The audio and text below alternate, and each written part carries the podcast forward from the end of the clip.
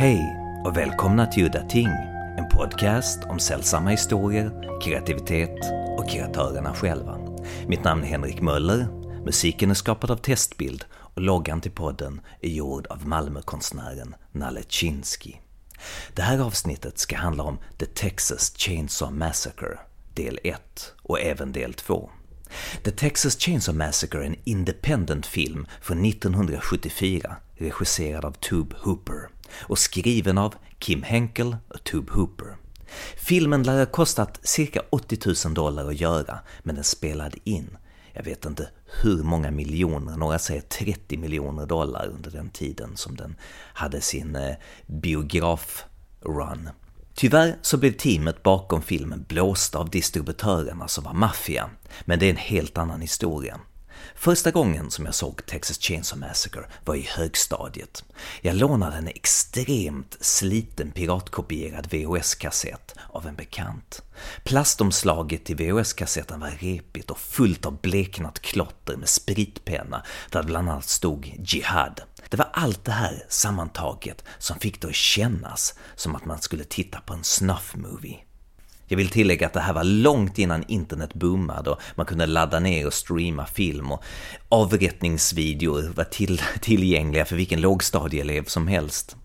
Men hur som helst, när jag tryckte in den här gamla VHS-kassetten i spelaren och såg bruset och störningarna så kändes det ju som sagt som att man kollade på en snuff-movie. För filmen började, för er som inte har sett den, med mörker och en extremt torr, nyhetsliknande faktatext med tillhörande röst som läser den rullande texten och den förklarar lite om händelserna i det här fallet, Texas Chainsaw Massacre. Filmmakarna ville alltså få det att framstå som att det här var en gestaltning av verkliga händelser.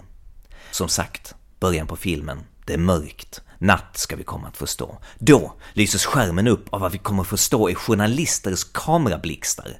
I de korta ljusskenen ser vi sönderruttnade kroppar med krälande likmaskar i, riktigt grisigt som jag minns det, och obehagligt realistiskt. Till dessa korta glimtar ackompanjeras ett av skräckfilmsvärldens mest ikoniska ljuddesigner. Ett gnisslande, diskant ljud som lär vara en stämgaffel dragen mot pianotråd. Effektivt och aldrig överträffat av Hollywoods största och bästa ljuddesigners. Sedan följer en av filmens mäktigaste scener, otroligt snyggt med soluppgång lysande snett bakifrån in i kameran. Vi kommer få se vad som har hänt under gravplundringen på natten på en kyrkogård. Ett flott människolik iklätt kostym sitter spetsat högt uppe på en gravsten som en dekoration. Graven är även dekorerad med likdelar från ännu ett människolik. Kameran åker baklänges, jag tror inte den är utzoomad, utan faktiskt en rälsåkning. Den här filmen innehåller många imponerande rälsåkningar som vi ska komma in på senare. Vi ser det makabra konstverket i den varma glödande morgonsolen med moln av sand blåsande förbi kameran och man verkligen känner den tryckande hettan nere i södern och vi får känslan av att vi befinner oss i ett fullständigt laglöst och bestialiskt landskap utan gränser. Jag måste säga att jag imponerades av den första Chainsaw som tonåring, men den var inte vidare kul. Jag skulle komma uppskatta den mycket mer långt senare när jag själv började göra film som en konstnärlig milstolpe, just på grund av sin smutsiga känsla, både miljöer, de briljanta amatörskådespelarna som spelade sig själva, scenografin i familjens hus med höns i fågelburar och högvis av skelettdelar upphängda i snören i taket och resten liksom skräpandes på golvet. Denna skitiga snufflook i kombination med det excellenta kamerarbetet gjorde att den första Chainsaw antagligen aldrig kommer att överträffas. Hollywood kan göra snygga filmer, men de spelar in i studio oftast och inte i ett ruckel med djurlik som ruttnar i 40 graders hetta så skådespelarna spyr. Michael Felcher, som inte bara gjort ett reportage om den första Chainsaw, men främst nu för hans grymma dokumentär om tvåan, It Runs in the Family som den heter. The original Texas Chainsaw Massacre is a model of modesty in many ways. Certainly in terms of sexual content, there's practically nothing. And then in terms of violence, there's I've seen more violence in commercials than I've seen in that movie. There's hardly any blood in it whatsoever. And it's just funny that people remember that as being this blood-soaked gore machine and it's like no there's I think only one instance where you ever actually see a chainsaw come into contact with flesh and that's when Leatherface accidentally drops it on himself. Uh, you know, the rest of the time you see like some blood splatter up against Leatherface when he's chainsawing Franklin, and the the bit where the, he the hitchhiker cuts himself, and then when he they cut uh, uh, Marilyn's uh, finger later on. But that's it. That's I mean that's really all there is, and uh, it's it's amazing to me that the power of suggestion that that movie has to convince people that they saw a much more violent film than they really did. Dagens gäster i det här programmet är regissören David Gregory som också driver Severin Film, ett fantastiskt bolag som ger ut massvis med kultfilm. David Gregory är alltså en mästare på att göra behind the scenes material, så kallat extras material till sina DVD som han ger ut. Och David Gregorys allra första dokumentär som han gjorde var dokumentären om Texas Chainsaw. One of the things that impressed me was the actors. I mean, Jim Siedow as the cook. What a guy! What a brilliant guy! So Jim Siedow, uh, like many of the others, uh, Gunnar Hansen gave me his contact details. We just drove to Houston and interviewed him and Marilyn Burns at his house. That all kind of came together because these people weren't, you know, in Hollywood. They weren't. I mean, Jim Siedow was still a professional actor. You know, they weren't. They weren't, you know, really kind of prolific actors, should I say? So the interviews that I got with them are kind of unlike a lot of the interviews that I've that I've done subsequently, just because people are doing it from a different perspective. Because if it was something that you know they did 35 years ago or whatever it was when I made it, and um, and talking about you know mainly kind of fond memories of doing this kind of guerrilla film. Uh, was he an actor? I believe he was just a guy who played himself. Jim, Jim, you know, was kind of the professional of the bunch because he had already been in films and theater and things like that. Everybody else was just film students, and so he was kind of the old man of kind of the character that he plays. He, he was he was there for a very short time as well. Uh, they had a limited amount of time that they had to shoot him out. Uh, so that's why that that dinner scene took so long to shoot because that was the last night that they had Jim Siedow. They couldn't lose him, so they had to just keep shooting until they'd shot him out completely. Uh, but he had very fond memories of the whole thing. He he was um, he he enjoyed being with you know what he considered a bunch of young kids. He enjoyed he enjoyed the whole experience, and of course he got to be in a big Hollywood movie. After that, he got to be in Chainsaw Two. I think overall, in the in the scheme of his career, he was very happy with it. I mean the famous dinner scene with Marilyn Burns and the family, with the intense heat and rotting animal carcasses. How long did they stay in there? The legend says it was 48 hours straight. I mean, it's in my documentary where people say 24, 26, 27, 36 hours, I think Kim Henkel says. Uh, but I think it was around 25 or 26 hours. Yeah, I mean, it sounds absolutely hellish. It was it was uh, extremely hot. They had black tarp over all the windows so that they could, you know, block out the sunlight. Uh, so it was, that made it even hotter. Uh, they had all these bones and head cheese uh, carcasses. And you know, Ed Neal has gone on to say, you know, I was in Vietnam, and quite frankly, this was worse maybe that's an exaggeration, but you talk to anybody else who, who worked on that scene, they say, yeah, it was hell. And he said the worst thing about it was that Gunnar Hansen was in his costume, which they hadn't washed for the whole production, and he stunk to high hell. you know, everyone was just like, oh my God. And the, the food, the chicken bones they had lying out were starting to rot. And then they also had something which, which didn't end up in the film, but they had a bunch of uh, dogs and cat carcasses as well, which they decided they shouldn't really have lying around, that it was too much. But they'd already collected all these dog and cat carcasses. So they decided they needed to get rid of them. So some enterprising PA took them outside and tried to burn them.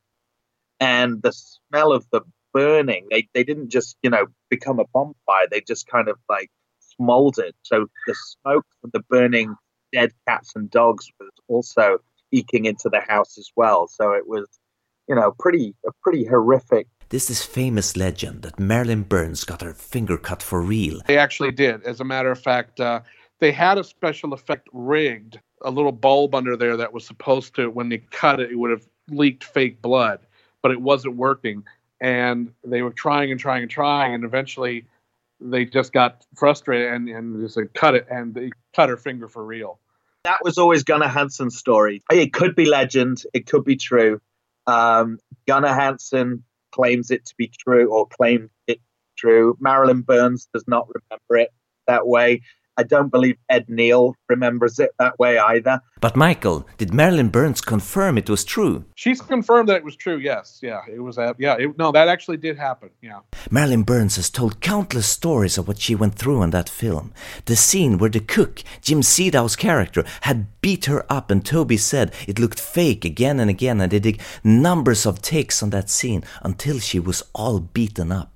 At one point during the dinner scene, they suddenly got the idea that it needed a gag in her mouth, and they just picked up a dirty, rotten cloth from the floor among the dirt and bones and rotting animal carcasses and just shoved it in her mouth. And then there was the scene where she was tied arms and legs to a chair, and the chair fell over and she crashed into the floor. She said in an interview that the last scene she did was in fact the last scene in the film where she laughs hysterically on the flatbed truck, and that was in fact real. She was close to a real breakdown. I don't believe that Marilyn remembered it as particularly abusive, even though she, like, as something she was traumatized by. She knew it was hard. She knew she had to go through a lot and, you know, get running through the trees and falling down and jumping out of windows and stuff like that. So it was definitely physically uh, very difficult film for her. But she she seemed to remember it rather fondly as well. She was glad when it was over at the time, but she didn't remember it. You know, like she had any kind of grievance with with uh, with Toby for for years or anything like that. I, I believe Teri McMinn, the the girl on the meat hook, Pam, um, I believe she did not have quite such fond recollection. That's why we were not able to get her in the documentary. She she kind of shunned uh, association with the film for many years.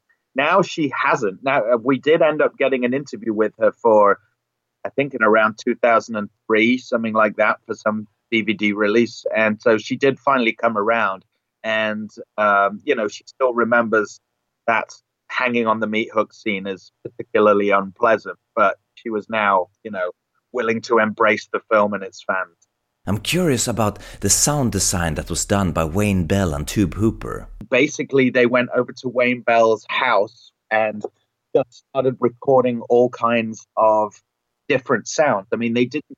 They were both kind of hippie musicians as well, so uh, they wanted to use they didn't want to use instruments, or if they use instruments, they wanted to use strange instruments. So they did all kinds of things like hitting, you know, bells or pots and pans and things like that, and recorded them and put, you know, whatever whatever effects that were available to them at the time, like uh, you know, very basic reverb stuff like that, echo. Um, and so essentially, they were using uh, whatever was at their dispo- disposal to make noise. Um, so I I remember Wayne Bell said something like Toby would say, "Let's make a sound called ice," you know. So then they would find some instrument or some object that they could then just start hitting uh, and pounding and stuff like that, and make these very kind of unnerving, disquieting sounds. And um, the one thing that Toby would never really go on record about was the famous. He said that they used a tuning fork for that, and it was just a tuning fork that they that they then put on. I think it was an iron surface, and so uh, and then again put put some sort of effect on it. I heard it was a tuning fork against piano wire. Yeah, on piano wire. That's right. It was on piano wire. That's correct. The other one that he won't go into detail about was the was the sounds of the sort of digging and stabbing at the beginning where, where you're seeing those quick shots, photos, graveyard. Uh, that apparently Toby just went into a room on his own with stuff and a microphone and and left Wayne Bell outside and then just went in and made whatever noises they were making in there. Robert Burns, the art director, I've heard that he really wasn't an art director, but rather a local artist. So he was already well known for being able to construct stuff out of nothing it didn't feel like art direction. It felt like a cannibal family lived in this house and this is just how they lived. I, I never felt like an art director was behind the camera, you know, adjusting to, and trying to make things look disgusting or horrifying. He came in with the approach of, all right, well, if a family is going to do this and they're going to live in this house and they're going to skin their victims and use them for stuff, how would they realistically do this? How would they how would it really look? And that's what gets me about that movie is that it just it doesn't seem show offy at all. It seems very lived in and very real and dirty. He just imagined what would Leatherface build. You know, he's kind of a grown child, you know, with learning difficulties. What would he want? He'd want to make toys, and what's he got at his disposal? He's got a lot of bones and teeth and you know, uh, you know, string and things like that that he could feathers, stuff that he could you know stick together from the elements that he had at his disposal. So while Bob Burns downplayed uh, the movie in uh, uh, uh, as a movie, he also downplayed kind of how much he got into it. He's, uh, you know, he wanted to distance himself from the fact that he was really going into the mind of what Leatherface would do. But it's it's hard to deny how well he pulled that off. I mean, he the the the, the stuff in the house and the masks themselves, which he created, he figured out what petrified flesh would look like. And so, you know, he, he famously said that he thought Tom Savini's mask looked like Tom Savini had made it, as opposed to, you know, some killer with elements at his disposal. And he put like coat hanger wire in the mouth as well, which is something that he might have at his disposal, or just some wire, you know. So that's how he how he kept the mouth open. You can see the wire in the mouth. That's not a mistake. That's totally intentional because that's how crude the artwork of Leatherface would be. Was there anything that you learned during the making of your documentary? Well, there, there was many things I learned, you know, because there wasn't that much information. There had been a documentary called Family Portrait, Texas Chainsaw Massacre Family Portrait, beforehand, but that was just the family members that were in that.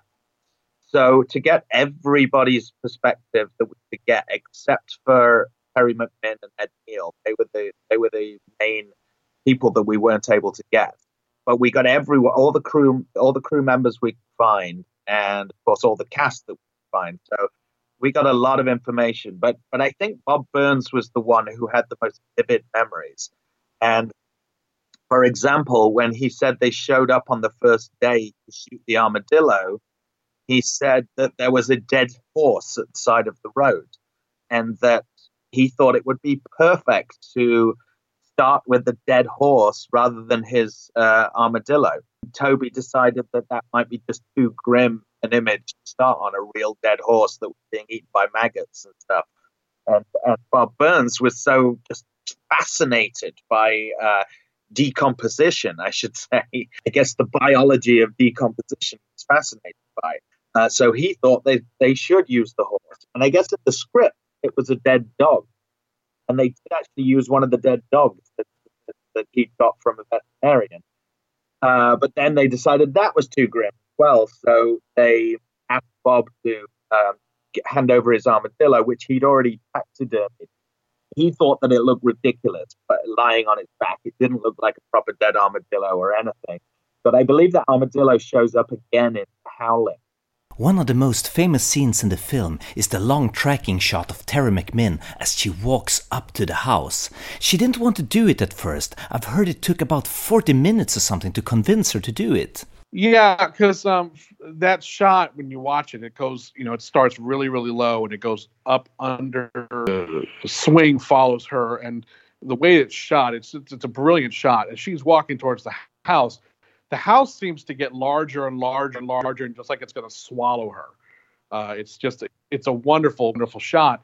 And she had concerns about the placement of the camera because it's like, well, it's going to be kind of pointed up right at my ass the whole time we're walking towards the house.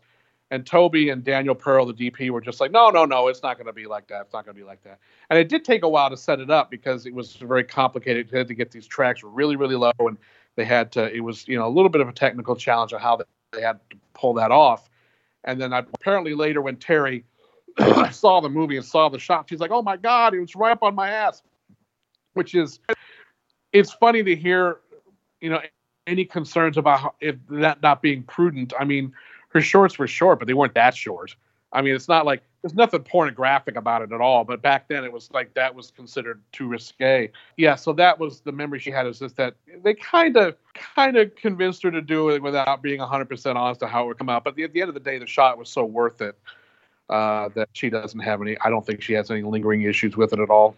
There was a famous story when the chainsaw team kind of understood they'd been fucked over by the mafia distributors, and the attorney Robert Kuhn going into that meeting with the big boss who looked him straight in the eyes and told him, You ain't got the balls to sue me. That, the whole movie could be made about the, the, the, the rights and the, the release of that film and all the, the money that all the money that that movie's made that never got back to the people who actually made it there's probably like a hundred million dollars that that movie generated over the years that never went. Any of it went into the pockets of any of the people who actually made it. I mean, because basically the, the theatrical corporation they signed on with was basically run by the mob. Pinsamt nog var jag vid det tillfället rätt missnöjd med att det inte fanns någon massaker i filmen. Allt var snyggt off-screen, och det var just det som i videovåldsdebatten i Sverige på 80-talet skulle komma användas mot filmen. Men det är en helt annan historia som jag skiter i här eftersom den är så pass väldokumenterad och det är lätt att kolla upp den. Nej, jag skulle komma att gilla uppföljaren, också regisserad av Tobe Hooper, men denna gången skrivet av L.M. Kit Carson, en känd Hollywoodförfattare som faktiskt hade skrivit Paris, Texas, filmen som nyligen hade vunnit Guldpalmen i Cannes och L.M. Kit Carson var väldigt eftertraktad. Väldigt bisarrt att han skulle komma att skriva en uppföljare till Texas Chainsaw Massacre som en uppföljare till denna hit han nyss hade, klar, hade levererat. Texas Chainsaw Massacre 2 blev alltså en svart komedi, en sorts parodi och en diss, kände jag, mot alla filmer som hade kommit efter Hoopers banbrytande film. Filmen börjar med två sviniga yuppies som blir slaktade. Inga ungdomar här som man kan identifiera sig med. Här var det alltså meningen att vi skulle hata och hurra när svinen blir dödade. Här är det alltså Chainsaw-familjen som är hjältarna och på affischen poserar de som om det vore en affisch för Breakfast Club eller någon annan John Hughes ungdomsfilm som var så populär på 80-talet. Specialeffektslegenden Tom Savini stod för effekterna och det var inga dåliga effekter. Det var blod och inälvor, kapade huvuden, hjärnsubstanser, motorsågar genom fläskiga magar. Dennis Hopper gör också en oförglömlig roll som en sinnessjuk polis, Lefty, som springer runt med en gigantisk motorsåg och två mindre i sidohölster som en sorts western gunslinger. Såklart så avslutas filmen med en motorsågsduell mellan Hopper och Leatherface. Ja, det här var alltså kitsch på hög nivå. Inte bara kitsch, men det var sjukt rolig svart komedi. Kanske ingen populär åsikt att säga att man gillar Chainsaw 2, men det som Tobe Hooper själv sa, vad fan skulle jag göra? Jag hade redan gått så långt jag kunde med ettan. Det var dags att göra någonting helt annat med tvåan. Och varför inte en svart komedi? Do you know why Hooper decided to do a sequel? I believe a sequel had been discussed for a while, but there was rights issues, and so there was rights issues on on uh, on fighting to get their own movie back, and they weren't able to do a sequel until the 80s at which point uh, Toby was, you know, a proper Hollywood director, having done Poltergeist. But then I think it was a combination of Hooper and Carson were friends and had known each other for a while, and the, these ideas just sparked off of each other. And I think that's where the genesis of making this sort of a black comedy came from, because they both saw the rise in, in the social culture over here of these yuppies, these real preppy, you know, Reagan era, you know, rich kids that didn't really give a shit about anything and were just kind of jack offs. And uh, both, you know, Carson and Hooper were both like, you know, those those would be the next victims of the family. And obviously, those first two guys who get killed, the yuppies, you know, you want them to get killed. You're you're ready for them to get their head sawn off. And that's just kind of where the story sparked off of. And they both were on the same wavelength in terms of making this film in its own way almost a send up of the first movie uh, not treating it as the next they, they, didn't set out to make the scariest film ever made. They set out to make one of the weirdest wildest films ever made. And i think in that in that respect they they definitely uh, achieved it because i think both toby and kit realized early on that any attempt to out intense intensify the first movie would be a fool's errand because that that's Texas Chainsaw Massacre, the first one, is lightning in a bottle. That's that's one of the situations where you you achieve it so well. Any attempt to even try to take that to the next level would have been almost impossible. So they both realized, well, that's we're not going to go that route. We're going to go a completely different route with it. So I think that's how that script kind of was born. And and the script was, to say the least, a very fluid thing throughout production. The production on this film was very fast. Uh, I believe they started production in April of '86, and they were done with it, and it was out in theaters by August of '86. So that just goes to show you how fast this thing was put together. And the script, because of budgetary concerns and a lot of money was being taken away from the production that they originally thought they were going to have, the, the budget was being, you know, just messed with almost on a daily basis. And so Kit Carson was on set rewriting and writing every single day right up until the very end. So even what they started out with ended up evolving a lot over the few months that they did production uh, down in Austin. And what do you think about Gunnar Hansen and Bill Johnson? I think it would have been a better choice to have Gunnar Hansen. And Gunnar created the role. I mean, he he did a lot of work to uh, to basically create that character. They had talked to Gunnar, but they offered him a really low amount of money, and he was just like, "I'm if I'm not coming back for scale, basically, for just like the pittance." The Hitchhiker. What do you think about that? They exchanged him for Bill Moseley in the second film. With Bill Moseley, it, that's that's a tougher call because Bill created such a unique character with Chop Top and that may have been a situation with Ed, but as I recall, the character of uh, Chop Top was pretty much there from the beginning. And because they did kill the hitchhiker at the end of the first movie, uh, you know, he gets hit by the, the truck. And in fact, if technically speaking, the hitchhiker is in Texas Chainsaw 2, uh, he's Nubbins, the character that that that that puppet skeleton that uh, the Chop Top carries around with him the whole time. That's actually the body. That's supposed to be the body of the hitchhiker. So, I, from my from what I remember, I don't believe Ed was ever seriously approached, or I don't think there was ever any serious discussion about bringing him back. But they wanted to kind of bring back a character that could serve as the function of that character, which was Chop Top. Um, so I, I it, from now as I'm remembering it, I think that was pretty much the plan from the beginning because uh, the hitchhiker, for all intents and purposes, was mowed down by the truck at the end of the first movie. Bill Moseley had so many one-liners. Hey, lick my plate, you dog dick! So I'm wondering, how much of Chop Top's dialogue was improvised? Most of it was scripted. Uh, when I went back and reread the script, I mean, most of that dialogue is there.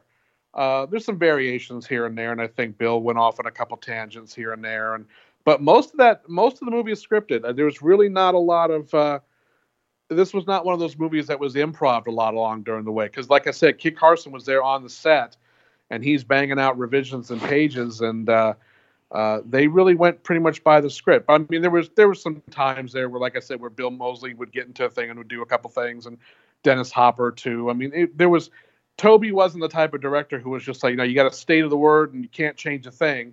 Uh, but at the same time, they, uh, you know, Kit Carson wrote some really great dialogue, and they just kind of, st- they, for the most part, it, it stays pretty close to that. This was not a, a, a free form kind of improv film in any way at all, although it does tend to feel like that at times. Have you seen the short film that Bill Moseley did that so impressed Tobe Hooper that he cast him in the sequel as Chop Top? Yeah, it's uh, it's like a little spoof of the Texas Chainsaw Massacre, but it's uh, called the Texas Chainsaw Manicure, and it takes place in and around a hair salon, or uh, like a nail salon. Uh, it's very funny, and Bill's only in it at the very, very end. Uh, basically, the survivor comes out and he plays basically the hitchhiker, and he's like, "Hey, you want some head cheese?" And uh, so that's where, yeah, and so it, Bill tells the story better than I, but the tape wound up in Toby's possession, and Toby saw that and said, "Oh, we want this guy to play."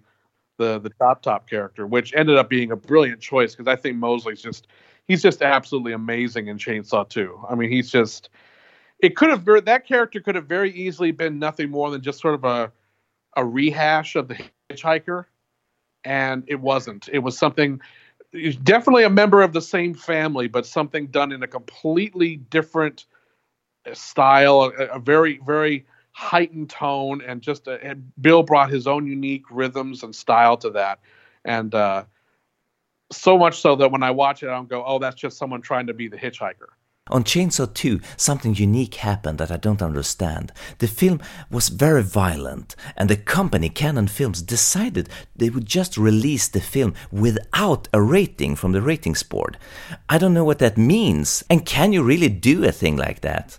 In this country, we have the Motion Picture Association of America, which, and if you want to go out, uh, you know, national with a national campaign, you want to get an R rating for a horror film is or you know PG thirteen. Uh, basically, you have you know G for general audiences, PG for parental guide. Could be a little violent. PG thirteen is like okay, this is really for teenagers, not for little kids. R, which is adults, really adults only, any, anybody above 17 years old. And then we have one called NC 17, which is supposed to be just no children under the age of 21 or something to that effect. Um, and in order, now the, the reason that you want to get one of these ratings is is that you're then you can advertise in newspapers, you can do TV commercials. If you go out without a rating on these things, uh, television, you know, a lot of radio stations, a lot of uh, TV stations, a lot of print won't won't run your film because they're worried. Okay, this is something that's not. We, we don't it doesn't have a rating on this could be too violent could have too much sex in it we don't want to condone that or, or you know have that out to our audiences so um, the problem with Chainsaw 2 was is because again, since it was such an accelerated production, and they had a release date that they had to meet. By the time they got done with the film and realized that there was no way this movie was ever going to get an R rating, uh, with the amount of violence that was in it, Cannon at that point was just like, we don't have time to try to recut this thing or cut all the blood out of it because it would be virtually incomprehensible. So they said, look, we'll just release an unrated. And that was right at the end of the period where you could get away with doing that. Uh, even by the mid 80s, releasing a film without a rating was really not a financially very smart thing to do or very advisable thing to do, just because, again, you couldn't get TV ads and TV commercials to play all over the place. Or if they did, they would only play them at certain hours, like after 11 o'clock at night. Uh, it was just a very limiting thing. You just couldn't get the word out about the movie.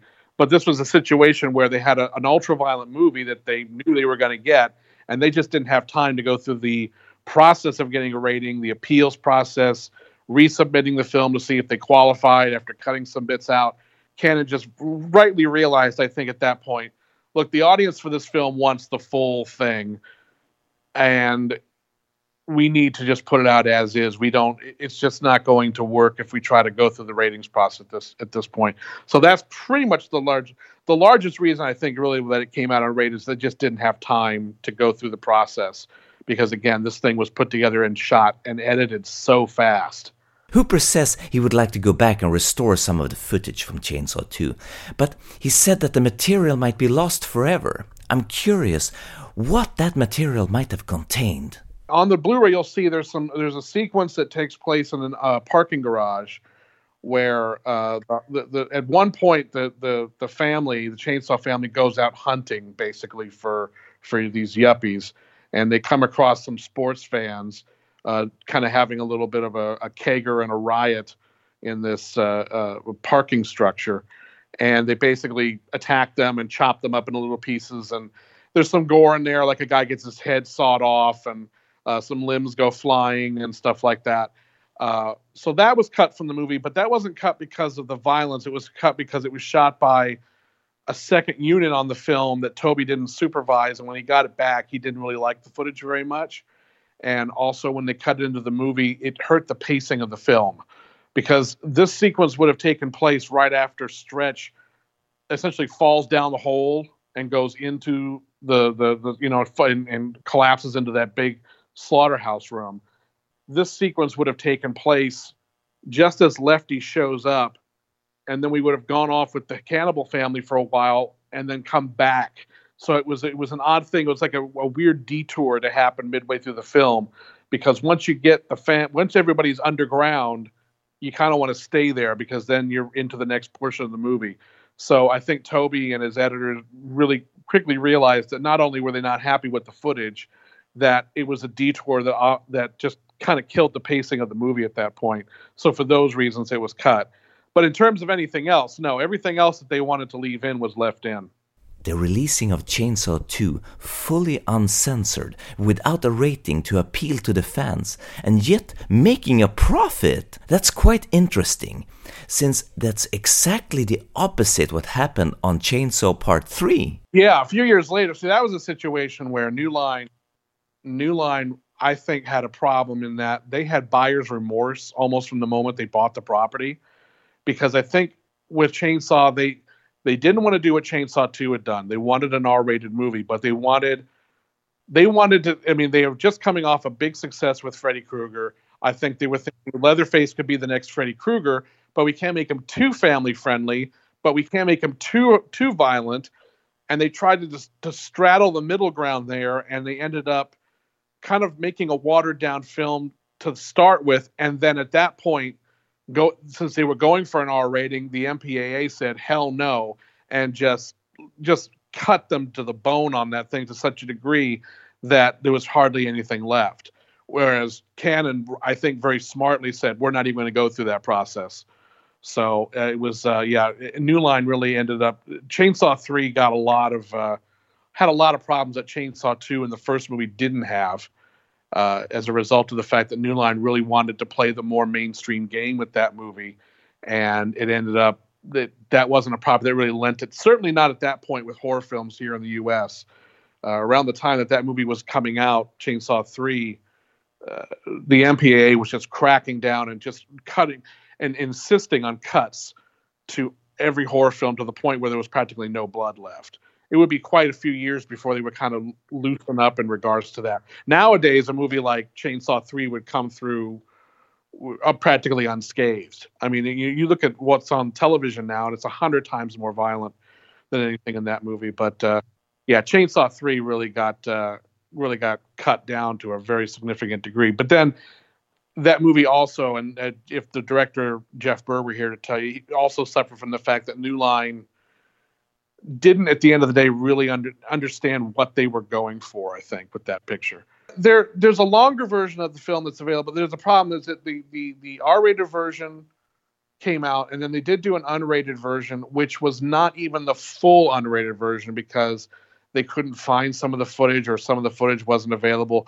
But there is additional footage beyond that which has been released as sort of like deleted scenes so I don't think there's ever been a fully restored, completely uncut version of that movie, which even then I don't think would be even that gory because I think again they knew while they were filming it's like we're never going to get away with this, so we can't go too over the top. Uh, it wasn't like Chainsaw 2 where they were just like whatever the hell we want to do, we'll just do it. So okay, what do you think Tobe Hooper meant when he said he had some regrets and wanted to go back and change and uh, put some stuff back in Chainsaw 2? The stuff with uh, Stretch and, and Lefty. I think he would have left in. Um, he, I don't think for he he did not want that stuff in the parking garage in the movie. Ultimately, that was his choice because he didn't think it really worked very well. So I don't think he had any regrets about having that stuff cut out of the picture because that was really he was fine with that. Um, I think any regrets he had about the film is the same regret any director has. Oh, I wish we could have gotten more of this. Oh, I wish we could have done that. I wish we had more time. I wish we had more money. Um, but at the end of the day, I think Tobe was very happy with the film. I think he was very happy with the the following that it got. Um, I think any regrets he had, like I said, are just the regrets every director has about when they look at their movies and go, "Oh, I would shoot that differently now," or "I wish we could have done more of this."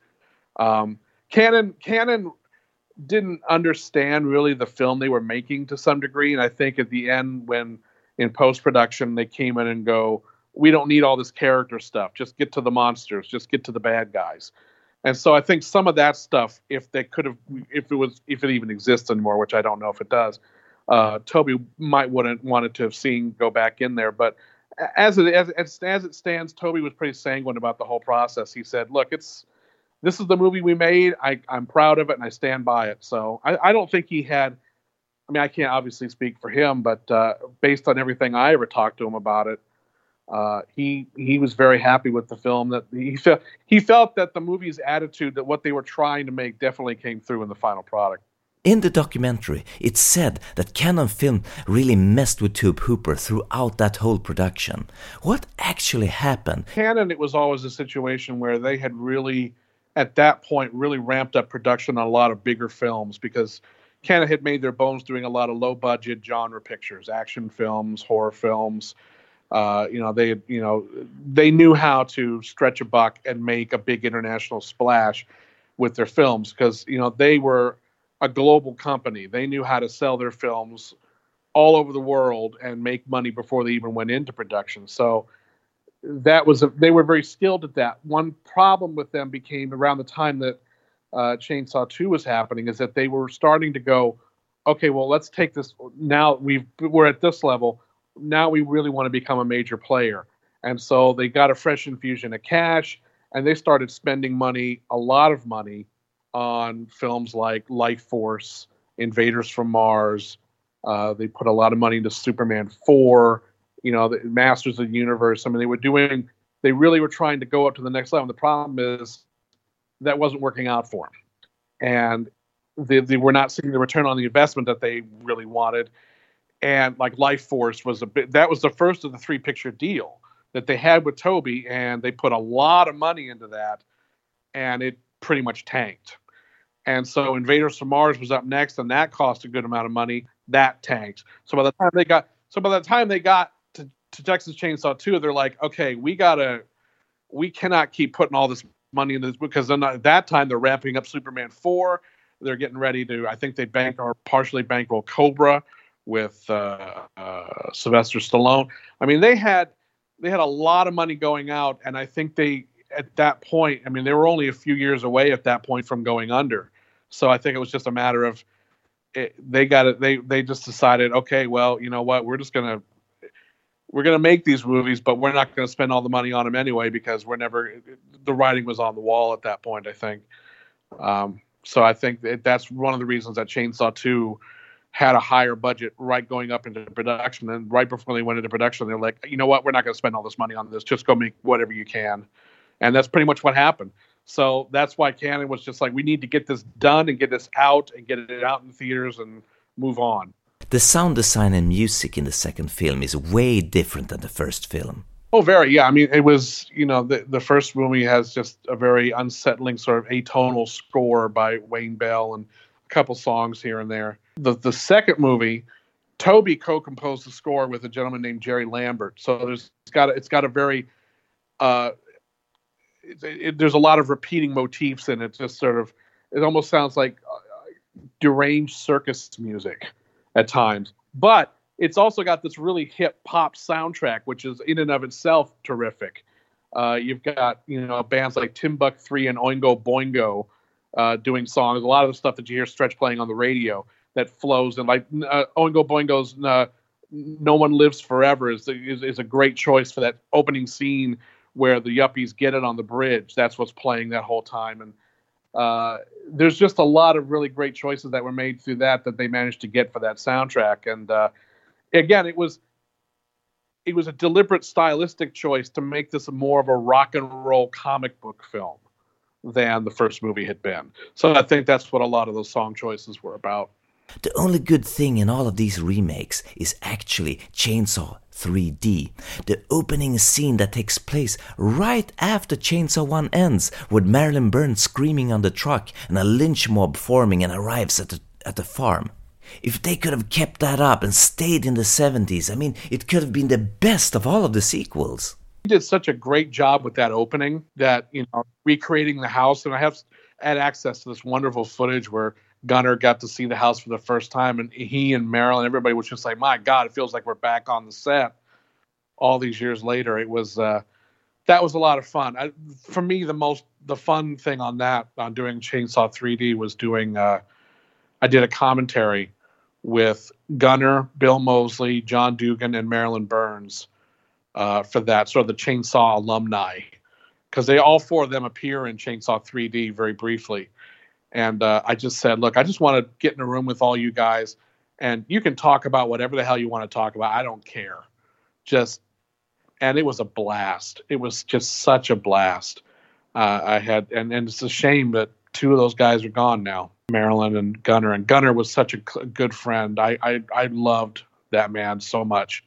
I'm so grateful that my work on these films brought me into contact with these people, that I got to know them outside of their personas that I knew as of them as growing up. that I got to know them as people and, and see just you know how much fun they were to be around. Uh, yeah, that's for me been the one probably the, the single greatest reward out of getting to do all this stuff. Could you dispel some of the rumors that what the hell did happen with Tobe Hooper on Poltergeist? I got to talk to Tobe a few times over the years. I produced several Blu-rays of his, and uh, and I never brought the Poltergeist thing up. That has gotten to the point where it's such a he said she said thing from so many people. You know, it's it's hard. It's hard to. It's inconclusive the information that's out there because, for example, the actors are, are adamant that Spielberg did most of the directing, but then the actors would say that because they want to be, you know, um, aligned with Steven Spielberg. And other people say that you know Tobe was Tobe was there and Spielberg was there, but Spielberg was the more dominant personality. I've heard that he was pretty wasted on drugs at the time and he took forever doing a scene on that film. I've heard that too, and uh, and I mean I've heard that on uh, that being the reason for being fired from say The Dark. But again, that his slowness might not have had anything to do with that. His slowness might have been just the way he made films I firmly believe he directed. I don't think this is a situation where Tobe was just standing around on set and Spielberg was doing everything. I think that's absolutely ridiculous. Um, I think it's a situation where Steven Spielberg was a very strong hands-on producer. Steven Spielberg had a very strong creative, you know, desire to be involved in Poltergeist, but he couldn't direct it. He was being, you know, he was doing ET at the same time. He just he didn't want to be the director on that, so he brought in someone he knew who could bring in his vision of it and also bring in their own unique style their own unique you know and he loved Tobe. He loved texas chainsaw massacre. And he wanted what Tobe brought to that to bring it to poltergeist. And i think the thing is when you watch poltergeist yeah it takes place in the suburbs. It feels like it takes place right down the street from et it feels like you know the freeling family in many ways is very prototypical spielberg like suburban family. But then later on you see JoBeth Williams and Craig T. Nelson sharing a joint in the bedroom. And it's like, no, that's that's Tobe Hooper. And there's a lot of really interesting little directorial flourishes and, and just some tonal issues later in the picture with some of the ghost stuff and some of the, the apparitions where it's like, now this is this is a Tobe Hooper movie produced by Steven Spielberg. I think it's a shame. I think it's a real shame that plagued Tobe for as many years as it did. Spielberg at that point was blowing up huge. I mean, he was coming off of a run of Jaws, Close Encounters. He'd fallen down a little bit with 1941, and the year before Poltergeist, he had done the Lost Ark. That same summer of 82, E.T. happens, and at the same time that Poltergeist happens. So Steven Spielberg was the only thing anyone was talking about at that time. And so Poltergeist comes out, and people think just began to assume, well, Spielberg must have directed this too because it's just too damn good. I don't know why that happened. I think there may have been just some industry prejudice against Tobe at that point. You know, this Texas Chainsaw guy, we can't let him take the credit for this shit. Uh, you know, I mean, I, I don't, I don't know what drove it or what what reason it you know, had, but uh, that uh, Tobe had every right in the world to be as proud of Poltergeist as anything else he did, because he, he, at the end of the day, he directed that movie. Lifeforce, that's something else. I don't know what the hell it is, but there is a book. Have you read the book the film was based on? No, I've never read Space Vampires, and from what I understand, it's vastly different. Uh, it's it. I mean, the, the, apparently the writer Colin Wilson was just like, "That's not really my movie or my book up on screen." Um, but Lifeforce is so, in a weird way, I wish they had called the movie Space Vampires because Lifeforce almost suggests a more high toned, elegant 2001 kind of experience, which is not what that movie is. The Space Vampires is exactly what that movie is. You go, what's a movie like Space Vampires? Well, a lot of shit blowing up, people running around, and a, and a naked chick running around kissing everybody. Okay, that's yeah, that's what we got. That's one of the most batshit crazy movies. I mean, that that's what I love about the three films that Tobe did with Cannon, is that for all their faults or all the issues that he had making all three of those pictures. Damn, they're a lot of fun to watch. Ja, det var allt för den här gången. Mitt namn är Henrik Möller. Musiken är skapad av Testbild. Hej då!